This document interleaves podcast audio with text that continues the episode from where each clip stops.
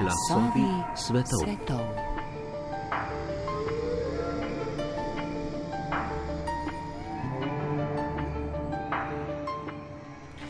Nekoč davno, recimo v času Džingiskana in mongolskih usvajanj v 13. stoletju, je še bilo mogoče zauzeti Afganistan.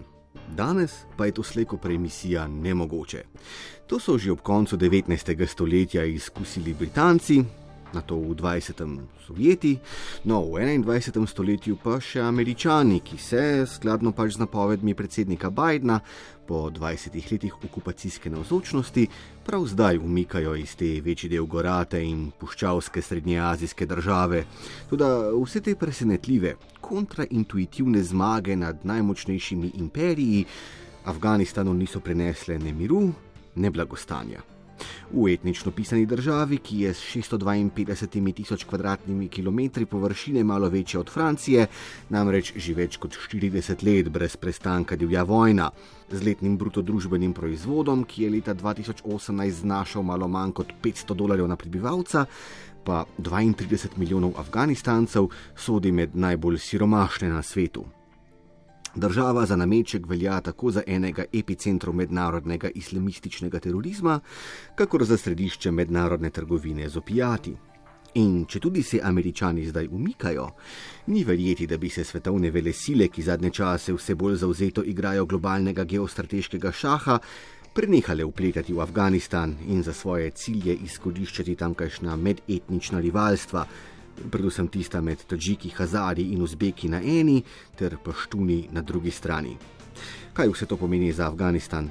Kakšna bi utegnila biti njegova srednjeročna prihodnost in kakšna vloga bo tej srednjeazijski državi, pa naj bo še tako utrujena od neprekinjenega večdesetletnega krvavega konflikta, pripadla v novi rundi prerivanja za moč in vpliv med Združenimi državami Kitajsko, Rusijo, Indijo in še kom?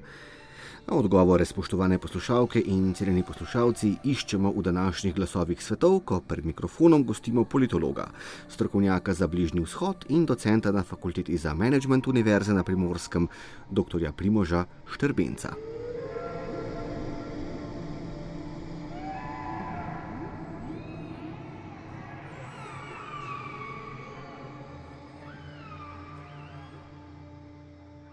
Dr. Primož Štrbenc, ameriški predsednik Joe Biden je napovedal, da bo ob 20. obletnici terorističnih napadov na Newyorška dvojčka Amerika vendarle zaključila svojo najdaljšo vojno v 200 in nekaj letni zgodovini. Ne?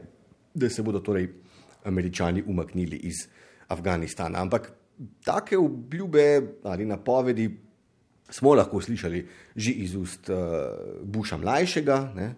pa Obame, pa Trumpa. Ne? Zato se seveda najbrž, najprej lahko vprašava, ali tem napovedim sploh uh, velja verjeti. Se vam zdi, da se američani dejansko zdaj pa res dokončno umikajo iz Afganistana? Ja, jaz mislim, da so res ti predhodniki, predsedniki ZDA, govorili o nekem umiku, ampak jaz vendarle bi rekel, da nihče pa ni tako izredno govoril, oziroma datumsko, da bodo američani dejansko odšli do konca. In hkrati podal tudi neke argumentacije, zakaj se naj bi umaknili dokončno iz Afganistana, v smislu, kot pravi Bidenova administracija, da bodo raje nadaljavo, torej se borili z morebitnimi terorističnimi ostalinami v Afganistanu, z droni, z nekimi specialnimi enotami in tako naprej. Joseph Biden ne na zadnje tudi povdarja, da Afganistan vendarle nima več tiste vitalne vloge oziroma vloge vitalnega nacionalnega interesa za ZDA, da se torej to težišče glede nacionalnega interesa seli torej v jugovzhodno Azijo in tako naprej. Tako da jaz mislim, da je vendarle ta napoved Bidna, da se bodo umaknili, da je bolj avtentična. Če je tako, ne, je potem najbrž kar primeren trenutek, ne, da nekako skušamo povleči uh, črto, napraviti nek obračun te 20-letne ameriške uh, vojaške okupacijske navzočnosti v Afganistanu. Um, Amerika je stopila v državo, tako so vsaj zatrjevali, ob začetku invazije, ne, zato da bodo premagali Al-Kaido, ujeli Osamo bin Ladna in uh, seveda poskrbeli za vzpostavitev neke trajne, delujoče, demokratične infrastrukture, ne, ki bo preprečila, da bi Afganistan kadarkoli v prihodnosti še postal recimo, bazen ali zavetišče mednarodnega terorizma. Ne.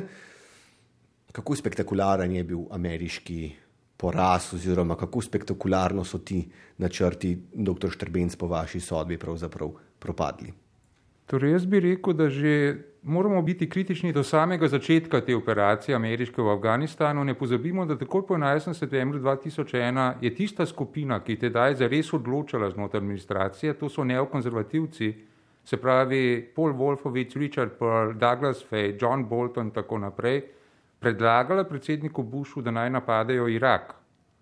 Pa je potem seveda postalo jasno, da bi to v ameriški javnosti zvenelo nelogično, kajti Al-Kaida je bila vendarle locirana v Afganistanu, tako da so zaradi neke nuje, če lahko tako rečem, napadli Afganistan, ampak to je treba povdariti zato, da bi vedeli, da v bistvu, po mojem mnenju, Bushova administracija, administracija Georgea Busha mlajšega, nikoli ni bila zares zainteresirana, da bi začela resno delati na Afganistanu. Celo ko so prišle ameriške čete v Afganistan, torej so bili člani te administracije zelo proizraelski, že z mislimi pri napadu na Irak. Kar pomeni seveda, da ZDA niso začele sistematično upravljati tistih nalog, ki bi jih bilo potrebno upravljati. Hkrati pa seveda naj rečem, da so ZDA že pri samem zasedanju torej Afganistana napravile neke napake, zaradi katerih po moje se pol kasneje nikoli več situacija ni mogla zelo izboljšati. To naprimer povdarja profesor Akbar Ahmed, ki najbolj pozna večinsko etnično skupino v Afganistanu, to so paštuni. Namreč američani so že ob samem napadu na Irak uporabili neko izrazito neproporcionalno vojaško silo, po nekaterih informacijah celo taktične jedrske bombe za napade na Tora Boro, torej na tisto gorovje, in so dovolili severnemu zavezništvu, ki je združevalo proti talibske borce iz tadžiške, hazarske in uzbeške etnične skupine, da so torej z nekim neomejenim nasiljem nastopali proti paštunom, naprimer na severu Afganistana. Hočem reči, da že s tem samim napadom so američani v dobršni meri razdražili paštunsko etnično skupino, kajti zmeraj, ko obravnavamo Afganistan, moramo vedeti, in to je tudi odgovor na del vašega vprašanja, da paštuni predvsem so tisti, ki so skozi zgodovino imeli odločilno vlogo v Afganistanu, torej etnična skupina, ki tvori 42% prebivalstva. In te paštuni so že premagali v 19. stoletju, torej Britance, v boju proti Sovjetom so imeli pomembno vlogo zraven tudi Tadžiki, to je res, ampak sedaj pa se zdi, da so te paštuni, ne da se zdi, ampak so dejansko porazili tudi američane. Torej, te paštune so američani že na samem začetku operacije 2001 zelo razburili, da bi pa to razumeli, s čim so jih razburili, moramo poznati in to upoštevati skozi vse obdobje ameriške prisotnosti v Afganistanu, paštun vali. To je nenapisano paštunsko pravo, ki ima med drugim torej notri neke temeljne elemente, to je badal, se pravi zakon časti, potem je pa tudi torej nek element, ki pomeni, da če nekdo krši čast paštuna, da se s tem odvrti torej zakon maščevanja za to kršitev. In ta že omenjeni profesor Akbar Ahmed je rekel, da so američani s tem neproporcionalno uporabo sile z dovoljenjem severnemu zavezništvu, da zelo nasilno nastopa proti paštunom, že začeli torej sprožiti ta zakon maščevanja pri paštunih. In eden od paštunskih izrekov pravi, maščeval sem se po sto letih in hitro sem se maščeval. In poleg tega je tudi drugi izrek, ki pravi, on ni paštun, če ne udari, potem ko ga nekdo zgolj uščipne. Torej imamo opravko z res neko trmasto etnično skupino, ki si vse zapomni. In ko to pravim, naj povem, torej, da američani so končno, po mojem mnenju, izgubili možnost, da bi se predstavili kot neka legitimna vojaška sila v Afganistanu, ki skuša Afganistanu pomagati, takrat, ko so začeli izvajati Po začetku, se pravi, prvih odporniških operacij, predvsem na jugu in pa vzhodu Afganistana, kjer živijo paštuni, ko so začeli uporabljati letalske napade, pač v maniri kolonialnih sil s tem namenom, da bi ohranili življenje ameriških vojakov na terenu in v teh letalskih napadih so selektivno, seveda, selek, neselektivno bombardirali, kar je povzročalo civilne žrtve. To je prvo, s čimer so še dodatno razdražili paštunsko ljudstvo in aktivirali zakon maščevanja, predvsem pa bi torej poudaril tisto, kar je bilo po mojem mnenju najbolj negativno za paštune, to so nočne operacije, ki so jih eh, torej, izvajali pripadniki ameriških posebnih sil in pri tem udirali v paštunske hiše po noči in kar je še posebej pomembno povdariti, tudi v sobe žensk. Se pravi, so kršili zasebnost paštunskih žensk. To je pa najhujša možna žalitev za paštuna po paštun valju. Da mu nekdo žensko v njenih zasebnih sobanah torej vidi in tako naprej. Tako da od takrat naprej se je ta zakon maščevanja badal lahko zgolj odvršil do konca, kar je pomenilo, da so paštuni, te talibi, ki izhajajo iz, paštu, iz etnične skupine paštunov, torej bili odločeni izgnati američane ven, hkrati pa zrušiti tudi ta režim, ki so ga američani tako ali drugače postavili, tudi preko demokratičnega procesa. Se pravi, naprej predsednik Hamid Karzaj, zdaj pa to Ashraf Ghani. Poleg tega bi jaz dodal še to, da indikator, da američani niso imeli resničnega namena torej postaviti Afganistan na neke stabilne noge, ta, pri tem bi se jaz skliceval na, na dobrega raziskovalca Afganistana, ki ga ima Slovenija, to je Vasja Badalič, ki povdarja, da od okrog 550 milijard, ki so jih američani vložili v Afganistan, je šla ogromna večina tega denarja, 460 milijard za same ameriške vojaške sile in pa še nekaj več za afganistanske vojaške sile, zelo majhen del pa za obnavljanje afganistanske civilne družbe in tako naprej. Tako da vse to govori o tem, da so američani se lotili te obnove Afganistana zelo, zelo torej z nekim neiskrenim namenom in pa z nekim neokolonialnim neupoštevanjem torej kulturnih specifik tamkajšnjih ljudstev. Zdaj, ko govoriva ne, o nezainteresiranosti američanov, ne, da bi resnično pomagali afganistanski civilni družbi, ne, da se recimo nekako postavi na noge po 35 letih permanentnega vojskovanja. Ne. Je vendarle zdaj, le v zadnjih tednih ali mesecih, slišati, ne, da je za recimo izobraževanje deklic, ne, bila ameriška okupacija, eh, hočeš, nočeš, vendarle nekaj eh, pozitivnega. Toliko in toliko več jih je šlo v šole, toliko in toliko več se jih je naučilo brati, računati in tako naprej. Um, kaj to pomeni, da bi mogla Amerika v neki imaginarni zgodovini ne, vendarle doseči neke cilje, ko bi mislili z vsem skupaj resno? Ali menite, da je bila invazija vse skozi že obsojena na neuspeh? Ja, jaz mislim res, da je bila invazija že kmalo po začetku obsojena na neuspeh, kar pa ne pomeni, torej, da vendarle določeni segmenti ameriške dejavnosti niso bili pozitivni.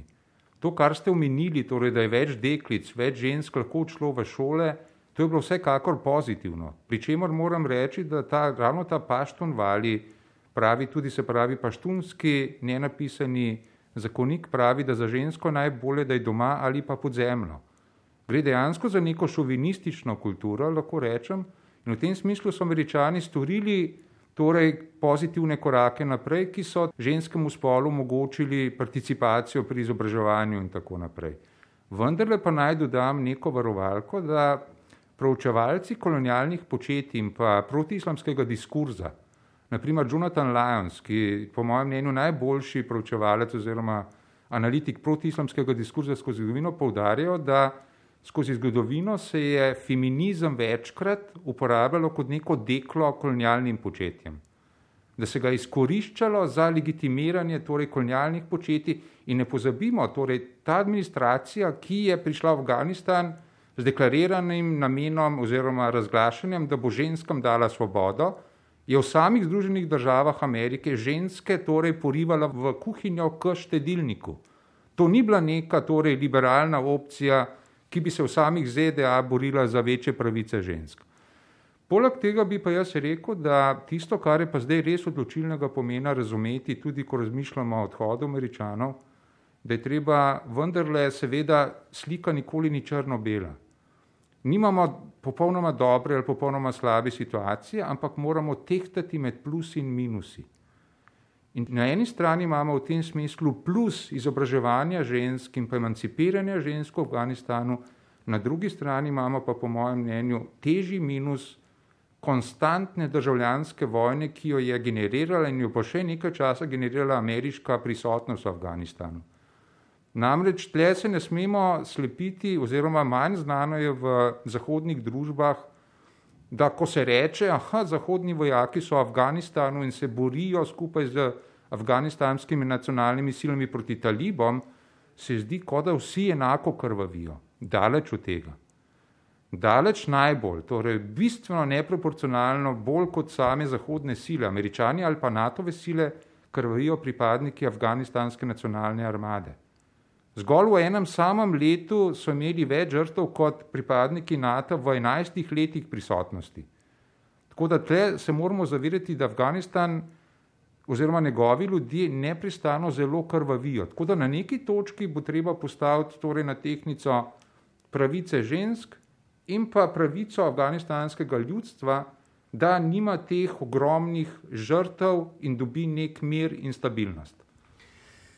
Predstavljam si, da marsikdo, ki naj ravno kar posluša, dr. Štrbenc, ne razmišlja, no pa sej, ko bodo američani odšli, ne, se bo vlada v Kabulu, ta, ki so jo američani nastavili ali vzpostavili, ne, sesula, kakor uh, hišica iz kart. Uh, kdo neki pa se lahko postavi po robu talibom, ki imajo široko ljudsko podporo, ki že zdaj obvladujejo približno 50 odstotkov države in uh, tako naprej. Ali menite, da se z ameriškim odhodom iz Afganistana skratka vendarle ne mara odpira možnost za končno pacifikacijo države pač pod talibskim režimom. Torej, naj povem, da je tle treba nujno upoštevati usporednice s sovjetskim umikom iz Afganistana februarja 1989. In Bidenova administracija seveda zavestno poudarja torej, te usporednice oziroma upozarja, da ne bo naredila napak, ki naj bi jih naredila, se pravi, Sovjetska zveza pod vodstvom Mihajla Gorbačova oziroma na koncu že pod vodstvom Borisa Jelcina v bistvu. Namreč američani pravijo, mi se bomo omaknili do 11. septembra, ampak ne bomo ponovili napake, ki jo je Sovjetska zveza naredila, potem ko se je februarja 1989 omaknila, da je zgolj še tri leta financirala režim Mohameda Nadžibulaha, ki se je boril proti mujahedinom. Pravijo, da bodo še naprej financirali torej to vlado Ašrafa Ganja, In to se na prvi pogled zdi dobro. Torej, marsikdo bi rekel, no, če že grejo, bodo pa saj denar dajali tej napredni vladi, ampak to v bistvu lahko pomeni podaljševanje afganistanske državljanske vojne. Ker če bo prišlo veliko milijard Ašraf Oganju, bo to lahko še nekaj časa vzdrževalo torej to afganistansko nacionalno armado, da se bo borila proti talibom, saj do neke mere parirala in to bo pomenilo nove žrtve.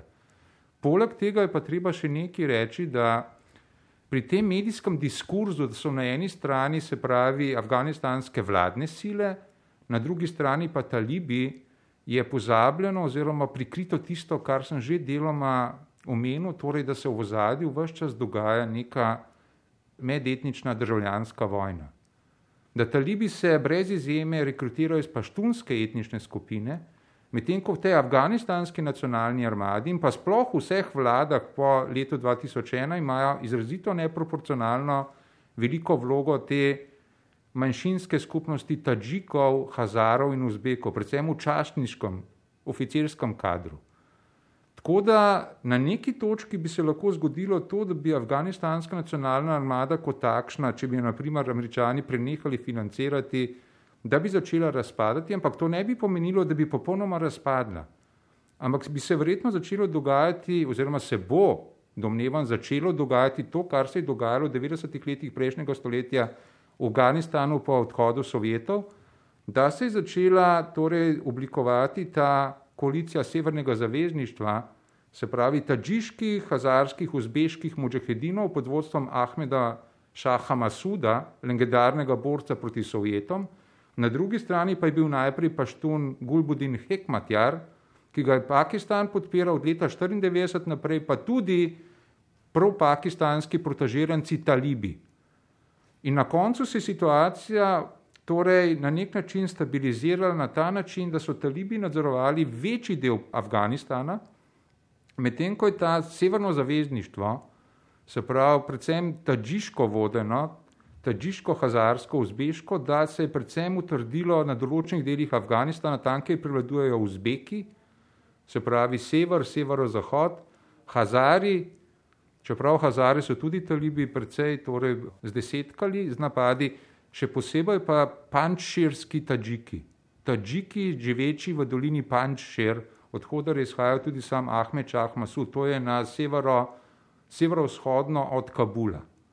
Torej, sam domnevam, da bodo šle zadeve po umiku američanov približno po tej poti. Zdaj samo vprašanje, koliko časa bodo američani financirali to vlado. Tako da dobimo na koncu, bomo dobili v najboljšem primeru, in to bi bilo zaželeno, nek medetnični status quo, ko bi talibi res zavladali večjemu delu Afganistana, medtem ko posamezne dele bi pa te manjšinske skupnosti obladovali.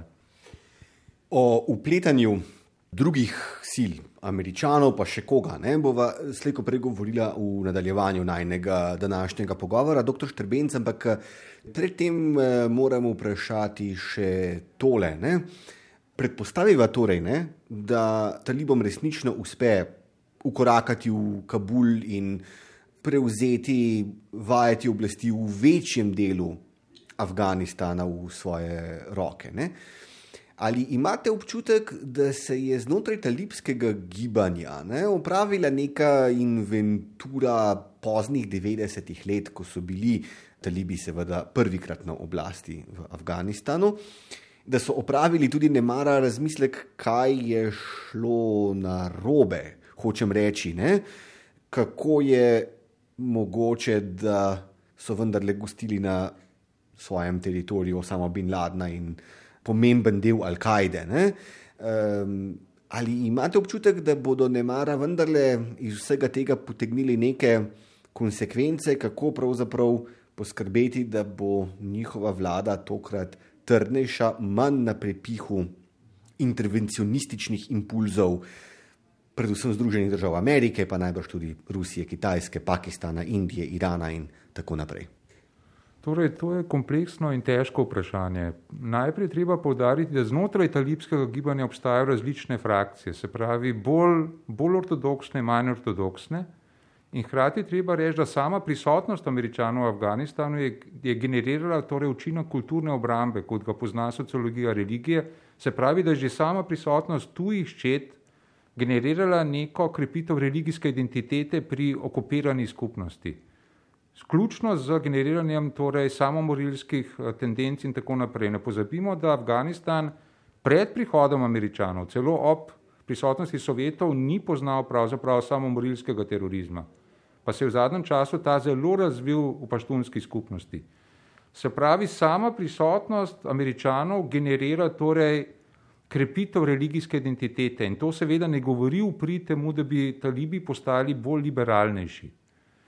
Drugič, talibi že s tem, ko očitno so premagali američane, kot so prej v zgodovini že Britance in sodelovali tudi pri tem, da so se porazili sovjeti, da talibi se počutijo zmagovalce. In zmagovalci, se veste, ponavadi niso preveč pripravljeni torej, reflektirati svojih lastnih dejanj. Res pa je torej, da, da talibi bi lahko pa upravili nek pregled svojih lastnih dejanj v smislu, da imajo zdaj torej na terenu Afganistana neko še bolj ostro silo, to je islamska država, to ni več Al-Kaida. Al-Kaida je še vedno prisotna, se pravi, Ayman al-Zawahiri se verjetno še vedno skriva na meji med Pakistanom in Afganistanom, Ampak Al-Kaida ni več tisti najbolj radikalen element, kot vemo, ampak je torej to postala islamska država. In islamska država ima svojo vejo Horasan v Afganistanu, ki je še veliko bolj krvava kot sami talibi. Ravno pred dvema tednoma je prišlo do napada na hazarske, šiitske deklice in tega je po mojem mnenju izvedla islamska država. Torej, tukaj pa mogoče reči, da bi ne mara talibi res lahko odrekli podporo tej islamski državi, za katero vejo, da je preveč samostojna, da bi se jim lahko podredila. Je pa res, da ta paštun vali pozna torej tudi nek element na navati, ki pravi, da če se ti nek nasprotnik podredi in sprejme tvojo nadoblast, da ga ti benevolentno sprejmaš v svojo zaščito. Tako so talibi sprejeli v zaščito Al-Kaido pred letom 2001 na podlagi tega na Navatija. In pa tudi imajo torej nek element gostoljubja in tako naprej. Torej v paštunski kulturi obstaja cela vrsta nastavkov, zato da bi lahko vendarle gostili tudi morda kakšno islamsko državo, čeprav to je vprašanje, kot pravim ali se jim ne bo ta islamska država vendarle zdela preveč radikalna.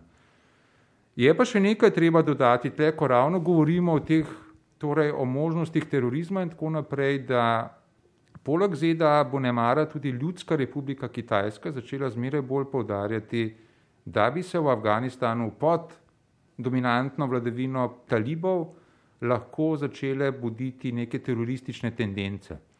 To je zanimivo, ker Ljudska republika Kitajska je torej vse od leta 2001 poudarjala, da je treba talibe nujno vključiti v vsakršen mirovni dogovor.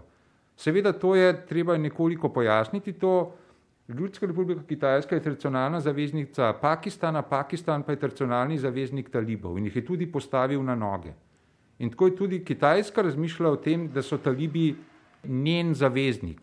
Vendarle pa Peking v zadnjem času seveda po mojem mnenju, zelo pravilno spoznava, da se ta enačba ne izide več, kajti talibi kot muslimani, ki jim je mar za druge muslimane po svetu, seveda zelo, zelo negativno gledajo na kitajsko ravnanje z turškimi muslimanskimi ujguri v Xinjiangu. Na postavljanje torej prevzgojnih koncentracijskih taborišč, na sužensko delo, na prisilno sterilizacijo izgurskih žensk, in talibi ne bodo tukaj torej mirovali. In Afganistan ima 90 km mejo z Ljudsko republiko Kitajsko in tle lahko, če se res začne prihajati orožje, borci in tako naprej. In zato bo Ljudska republika Kitajska tista, ki bo začela torej podobno kot američani ponavljati, da se Afganistan ne sme preleviti v neko trdnjavo terorizma. Ker nažalost Ljudska republika Kitajska ni sposobna reflektirati svojih negativnih ravnanj in razumeti, da sama s to ultrarepresijo, med drugim je porušila v Xinjiangu 8000 mošej, eno četrtino vseh, da radikalizira muslimane v samem Xinjiangu in pa tudi drugot. Zdaj, Kitajska v zunanji politiki, ne, predvsem tistem delu zunanje politike, ki je usmerjen proti njenemu zahodu, v Srednjo Azijo in naprej proti Evropi, ne, se zdi v pomembni meri stavi recimo, ne, na projekt eh, enega pasu, ene ceste, ne, na ta orjaški infrastrukturni eh, projekt, ki naj bi povezal Eurazijo ne, v recimo, enotno infrastrukturno in gospodarsko območje, slejko prej pod eh, kitajsko hegemonijo ne, ali vsaj z močno kitajsko besedo za mizo. Ne. Ampak v Afganistan slejko prej doslej niso mogli vlagati. Ne? Po eni strani seveda zato, ne, ker so bili tam američani, po drugi strani seveda zato, ne, ker je sam Afganistan notranje razklan, ker je pač zapredeno neko državljansko vojno, ki poteka vse skozi ob različnih okupacijah, bodi si sovjetski, bodi si ameriški. Ne? Pa se zdaj sprašujem, bi ne mara stava na milijardne investicije v afganistansko infrastrukturo, razvoj tamkajšnjega gospodarstva, ne, primer recimo rudarstva. Ne. Eh, je to nekaj, kar bi ne mara lahko presekalo ta začarani gordijski vozov eh, nasilja v Afganistanu? Torej, Ljudska republika Kitajska se še vedno odloča, kaj naj naredi po odhodu američanov. Po eni strani je zadovoljno, da američani grejo, ker se seveda Kitajcem nikoli ni bilo všeč, da so se američani pozicionirali v Srednji Aziji, tako blizu kitajskim mejam. Po drugi strani se pa bojijo, kot sem rekel, tega vakuma, ki ga bodo slejko prej zapolnili talibi. Kitajci so najprej še nedavno razmišljali celo o postavitvi vojaškega oporišča znotraj Afganistana, pa so se temu izgleda odrekli, kaj ti vejo, da tega na to Rusija ne bi gledala preveč pozitivno. Tako da zdaj Kitajci kot na drugo dobro možnost ali pa najboljšo možnost gledajo na morebitne investicije, kot ste jih omenili v Afganistan. Afganistan ima velike zaloge zlata in pa železa, bakra in tako naprej, Hadžigak je en tak rudnik.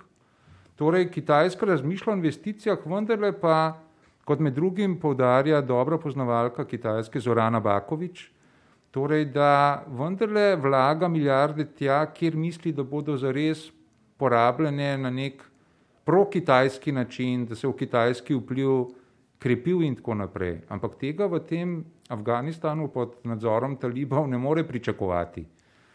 Je pa res, da Kitajske ne skrbi zgolj sam Afganistan. Ne pozabimo, da jo skrbi, da pomembno, bistveno vlogo pri tem projektu pobude pasu in ceste, da ima torej tudi Pakistan in da tle ta ekonomski koridor Pakistan-Kitajska.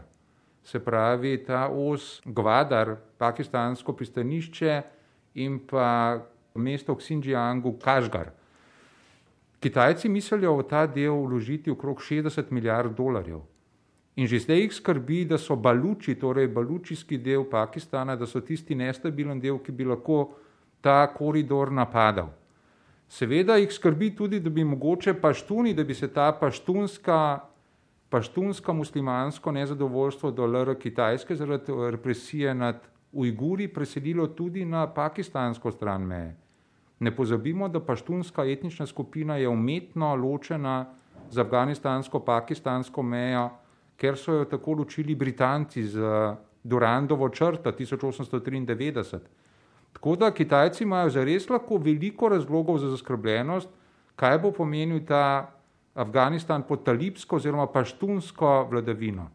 Ampak slejko prej Peking tega Glede na to, da Kitajci so neko modro ljudstvo in da imajo nekega Konfucija, meni moramo osebno povedati, ni jasno, zakaj niso sposobni te refleksije v smislu, da morajo najprej počistiti pred svojim pragom, da bi morali prenehati s to totalitarno represijo nad Ujguri, če hočejo doseči kakršnokoli stabilnost.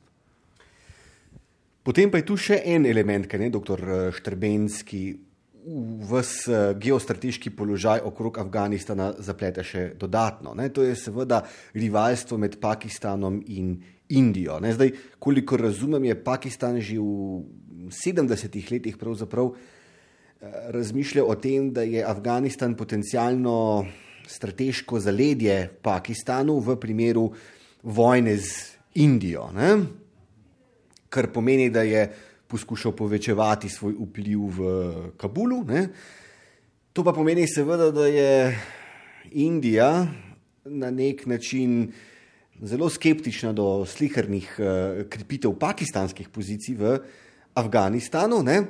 Toliko bolj, ker so seveda Pakistanci, kako so ravno kar omenila, zavezniki Kitajcev. Ne? Ampak Indija seveda ne more dopustiti, da bi pač začela Kitajska spodrivati recimo ne, pakistanski vpliv v Afganistanu, pacificirati Afganistan, ne mara na račun pakistanske moči, ampak vseeno povečevanje kitajske moči kjerkoli je seveda v očih eh, strategov v New Delhiju, slejko prej tudi nevarno. Kakšno vlogo eh, menite, da bo skratka v tej zgodbi igrala eh, Indija v naslednjih letih ali ne mara celo desetletjih?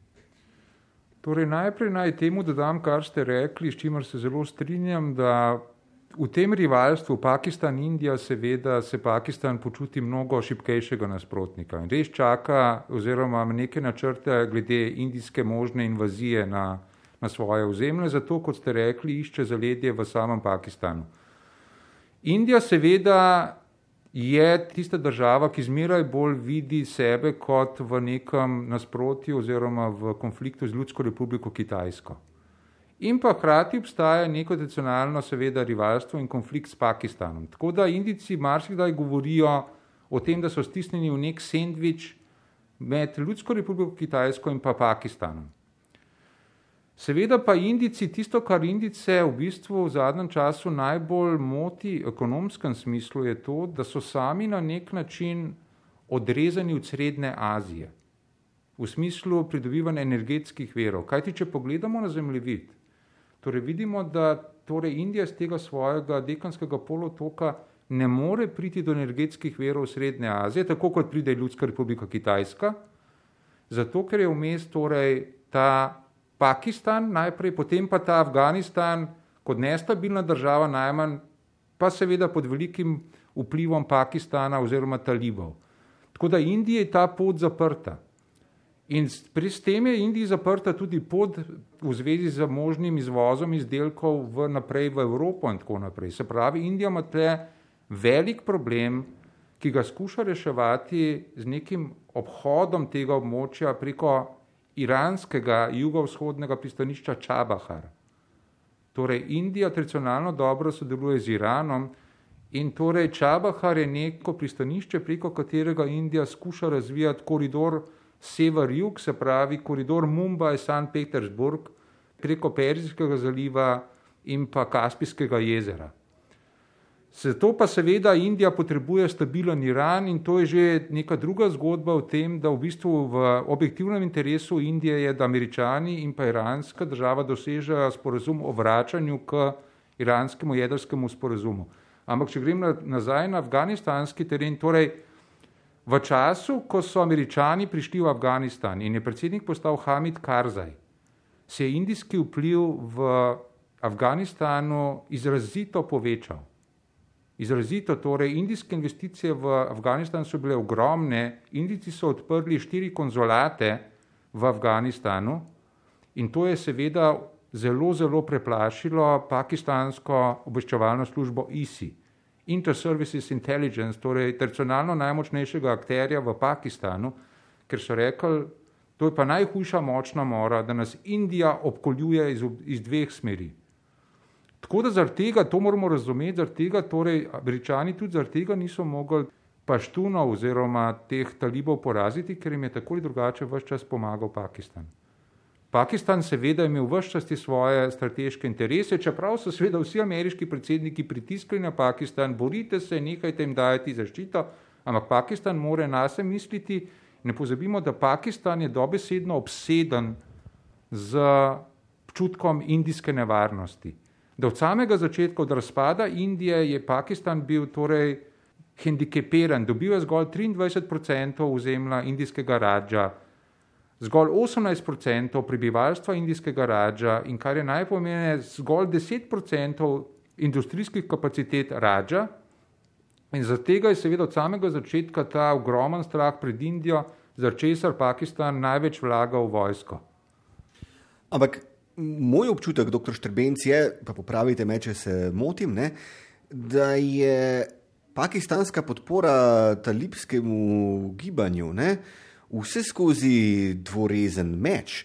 Namreč te protiinstitucionalne tendence ne, v talibskem gibanju, to nezaupanje do etabliranih institucij pakistanske države. Ne, se je odrazilo, seveda, tudi v dogajanju v dolini Svat, v eh, severozahodnih eh, območjih, eh, ne, tisti obmejni provinci, znameniti. Ne.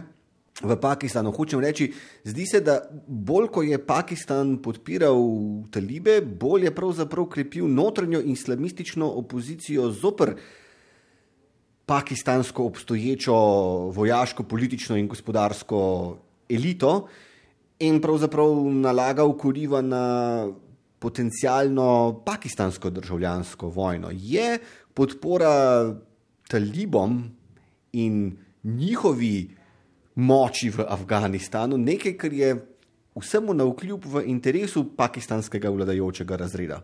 Ja, tlele moramo biti zelo, zelo minuciozni torej pri razlagi. Moramo povdariti, da Pakistan je seveda torej izključno afganistanske talibe podpiral. Ne pa seveda tudi pakistanskega talibskega gibanja. Nasprotno, Pakistan se je proti svojim pakistanskim talibom boril, kot pravite, v FATA, se pravi, zvezdno upravljenih obmejnih področjih. To je ta zelo, zelo natančna politika Pakistana. Podpiraš afganistanske talibe, po drugi strani pa svojimi vodiš vojno, vojno predvsem zaradi ameriškega pritiska. Ker američani, ki so imeli probleme s temi paštuni, afganistanskimi, ki so seveda se umikali na pakistansko ozemlje, na torej območja ob severo-zahodni meji, prav američani so od Pakistana zahtevali te nenehne ofenzive gor na dolino Svat, na severni Vaziristan, južni Vaziristan in tako naprej te pokrajine, kar je seveda res prožalo državljansko vojno v samem Pakistanu.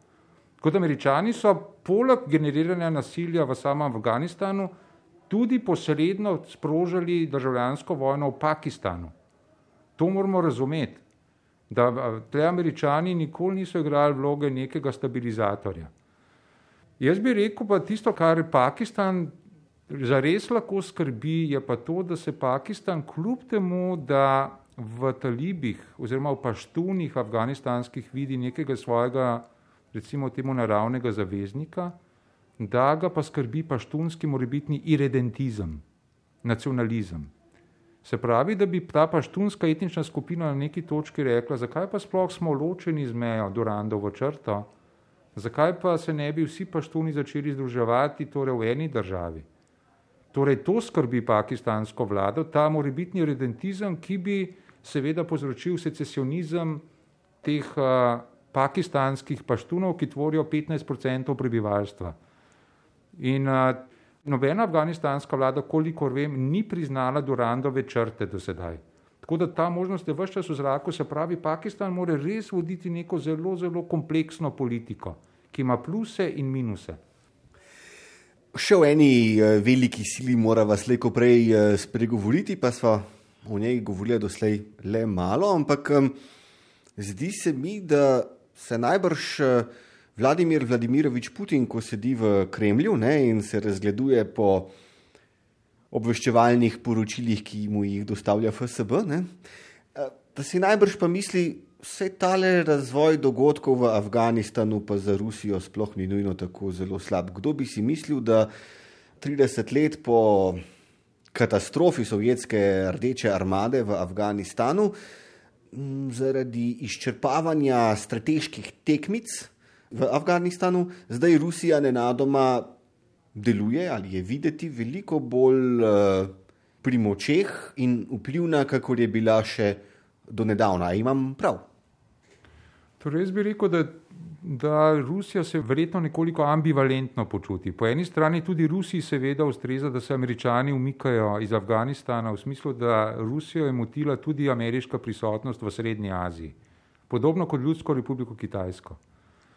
Po drugi strani pa torej moramo pa vendarle upoštevati dejstvo, da talibi nikoli niso bili proruski akter, ampak nasprotno, torej, da so Rusi skupaj z Indijo in pa Iranom podpirali severno zavezništvo, se pravi zavezništvo najprej Tadžikov, potem pa Hazarov in Uzbekov. Tako da zelo verjetno, da Rusija v Afganistanu vidi, da ne bo imela največjega vpliva, ker največji vpliv vendarle bo imel Pakistan preko talibov, ampak se bo njen vpliv torej izrazil preko pomoči temu nekdanjemu severnemu zavezništvu oziroma tej tadžiško-hazarsko-uzbeški navezi skupaj z Iranom in Indijo. Uh, Rusija po drugi strani seveda, čeprav se z Ljudsko republiko Kitajsko brati vaš čas in tako naprej, pa po mojem mnenju, da tudi v Kitajski v nekem srednjeročnem, dolgoročnem obdobju vidi določenega, se pravi, najmanj, kar je mogoče reči, konkurenta oziroma celo neko grožno, celo ozemalsko in tako naprej. Tako da tudi v tem smislu Rusi gledajo, kaj Ljudska republika Kitajska dela. Omenil sem že, da se Kitajci zavedajo, da bi njihova postavitev vojaškega oporišča v Afganistanu torej razjezila Rusijo. Tako da je pa to vse ena taka zelo, zelo kompleksna geopolitična igra, v katero morajo vsi akteri misliti na marsikaj. Ko pravim, da Rusijo skrbi Ljudska republika Kitajska, lahko po drugi strani dodam, da je pa mnogo tistega, kar združuje Kitajsko in Rusijo. Se pravi, da Rusija in Kitajska sta komplementarni pri vprašanju energije, da Rusija mora nekomu prodajati torej nafto in zemljski plin. LR Kitajska je zelo zainteresirana za to, da dobi ta nafto in plin od Rusije, da ne bi prihajal zgolj čez Malajsko užino dol ranljivo, ki jo lahko američani zaprejo. Kitajska hoče tudi odprte plovne poti preko arktičnih poti in tako naprej. Skratka, vsta kompleksen blog je v igri, ko govorimo torej o kontekstu Afganistana. Kaj pa američani sami, dr. Štrbenc? Uh, kot smo že rekli, milijarde dolarjev so, pa čeprav njihovo srce nikoli ni bilo zares pri stvari, ne, milijarde dolarjev so vseeno vrgli v izgradnjo svoje lastne prisotnosti v Afganistanu in to bo zdaj očitno odšlo. Ne. Kako bo Amerika skrbela za ohranitev nekih svojih pozicij ali interesov v tej regiji sveta? Na vse zadnje, ne, nobenega dvoma ni, ameriške ambicije so v pravem pomenu besede globalne, Srednja Azija pa je vse preveč pomembna regija tega sveta, da bi Amerika preprosto zamižala. No, jaz vendarle mislim, da je treba najprej nekoliko širši geopolitični kontekst narisati. Da prvič, da od Obame naprej, seveda, je ZDA začela govoriti o tem, da se je pivo, to sišče, začelo prevešati v jugovzhodno Azijo. Se pravi, tja, kjer obstaja nek prostor, azijsko, torej pacifiško-azijski, v katerem tekmujejo z Ljudsko republiko Kitajsko. Po drugi strani pa ko gre za Srednjo Azijo, bi jaz rekel, da američani zmeraj bolj očitno sledijo na svetom najbolj eminentnega geopolitika v zgodovini, to je Sir Halford Mackinder, ki je že na začetku 20. stoletja se pravi govoril o Evraziji kot osišču, kot središču svetovne politike. Še bolj pomembna pa je bila torej Mackinderjeva knjiga 1919 Demokratični ideali in realnost, v kateri je postavil svoj znameniti in nemara najbolj pomemben, najbolj znani geopolitični triptih v zgodovini, ko je rekel, tisti, ki nadzoruje vzhodno Evropo, vzemlje med Baltskim in pa Črnim morjem, tisti nadzoruje Heartland, vsrčje, to je Evrazija. Nadaljeval je tisti pa, ki nadzoruje vsrčje Evrazijo, nadzoruje svetovni otok, to so Azija, Afrika in Evropa skupaj. In končno, rekel, tisti pa, ki nadzoruje ta svetovni otok, nadzoruje v svet. Torej, podal je pravzaprav tezo, da tisti, ki nadzoruje vzhodno Evropo, območje med Balskim in Črnim morem in naprej med Labo in Trstom, da ta bo vlada v svetu. Tako da američani tukaj krepijo svojo prisotnost, imajo vojaško porišče v Bolgariji, Romuniji, na Kosovo, Bonstil in v zadnjem času seveda v Ukrajini. Tukaj gradijo uh, ballistic missile defense, se pravi raketni ščit in tako naprej. In ne nazadnje tudi pobuda treh morij, kateri sodeluje tudi Slovenija, pomeni pozicioniranje američanov v tem delu. In seveda ne delamo se utvar Ljudska republika Kitajska, izredno v svojih strateških geopolitičnih dokumentih se sklicuje na Mekindarja in se preko pobude 17 plus 1 tudi hoče točno tle pozicionirati. Torej, v tej vzhodnji Evropi poteka v bistvu ta tekma za širšo Azijo in za svetovno prevlado.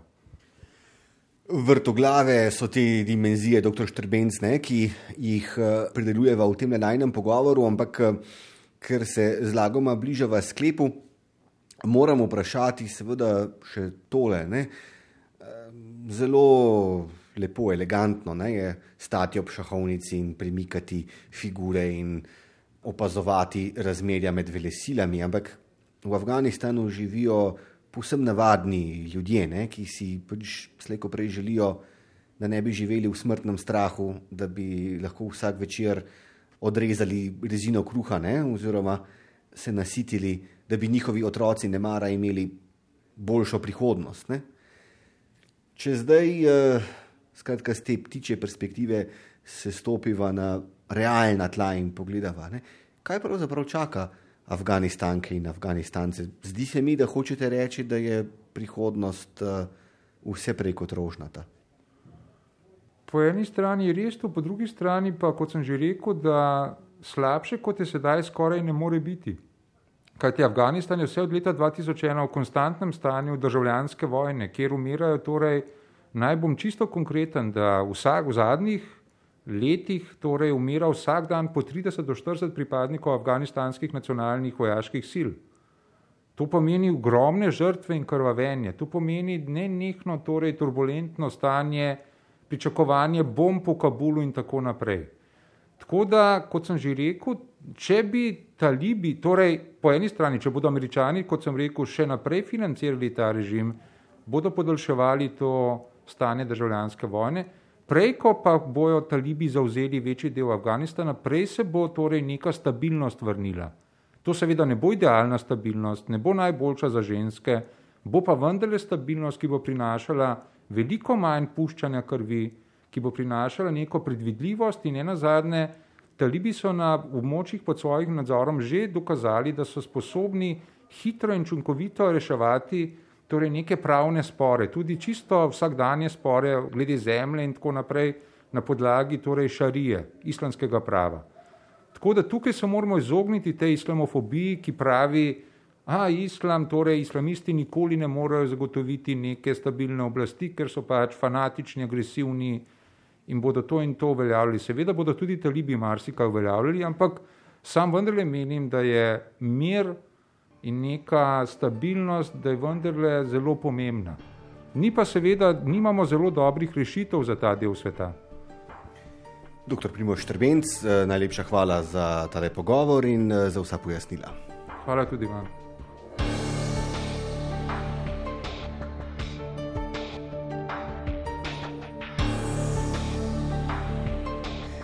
Tem smo prišli do konca tokratnih glasov svetov. Odajo, ki lahko prisluhnete tudi v obliki podcasta ali jo poiščete na spletni strani programa Ars, sem pripravil in vodil Goran Dekliva.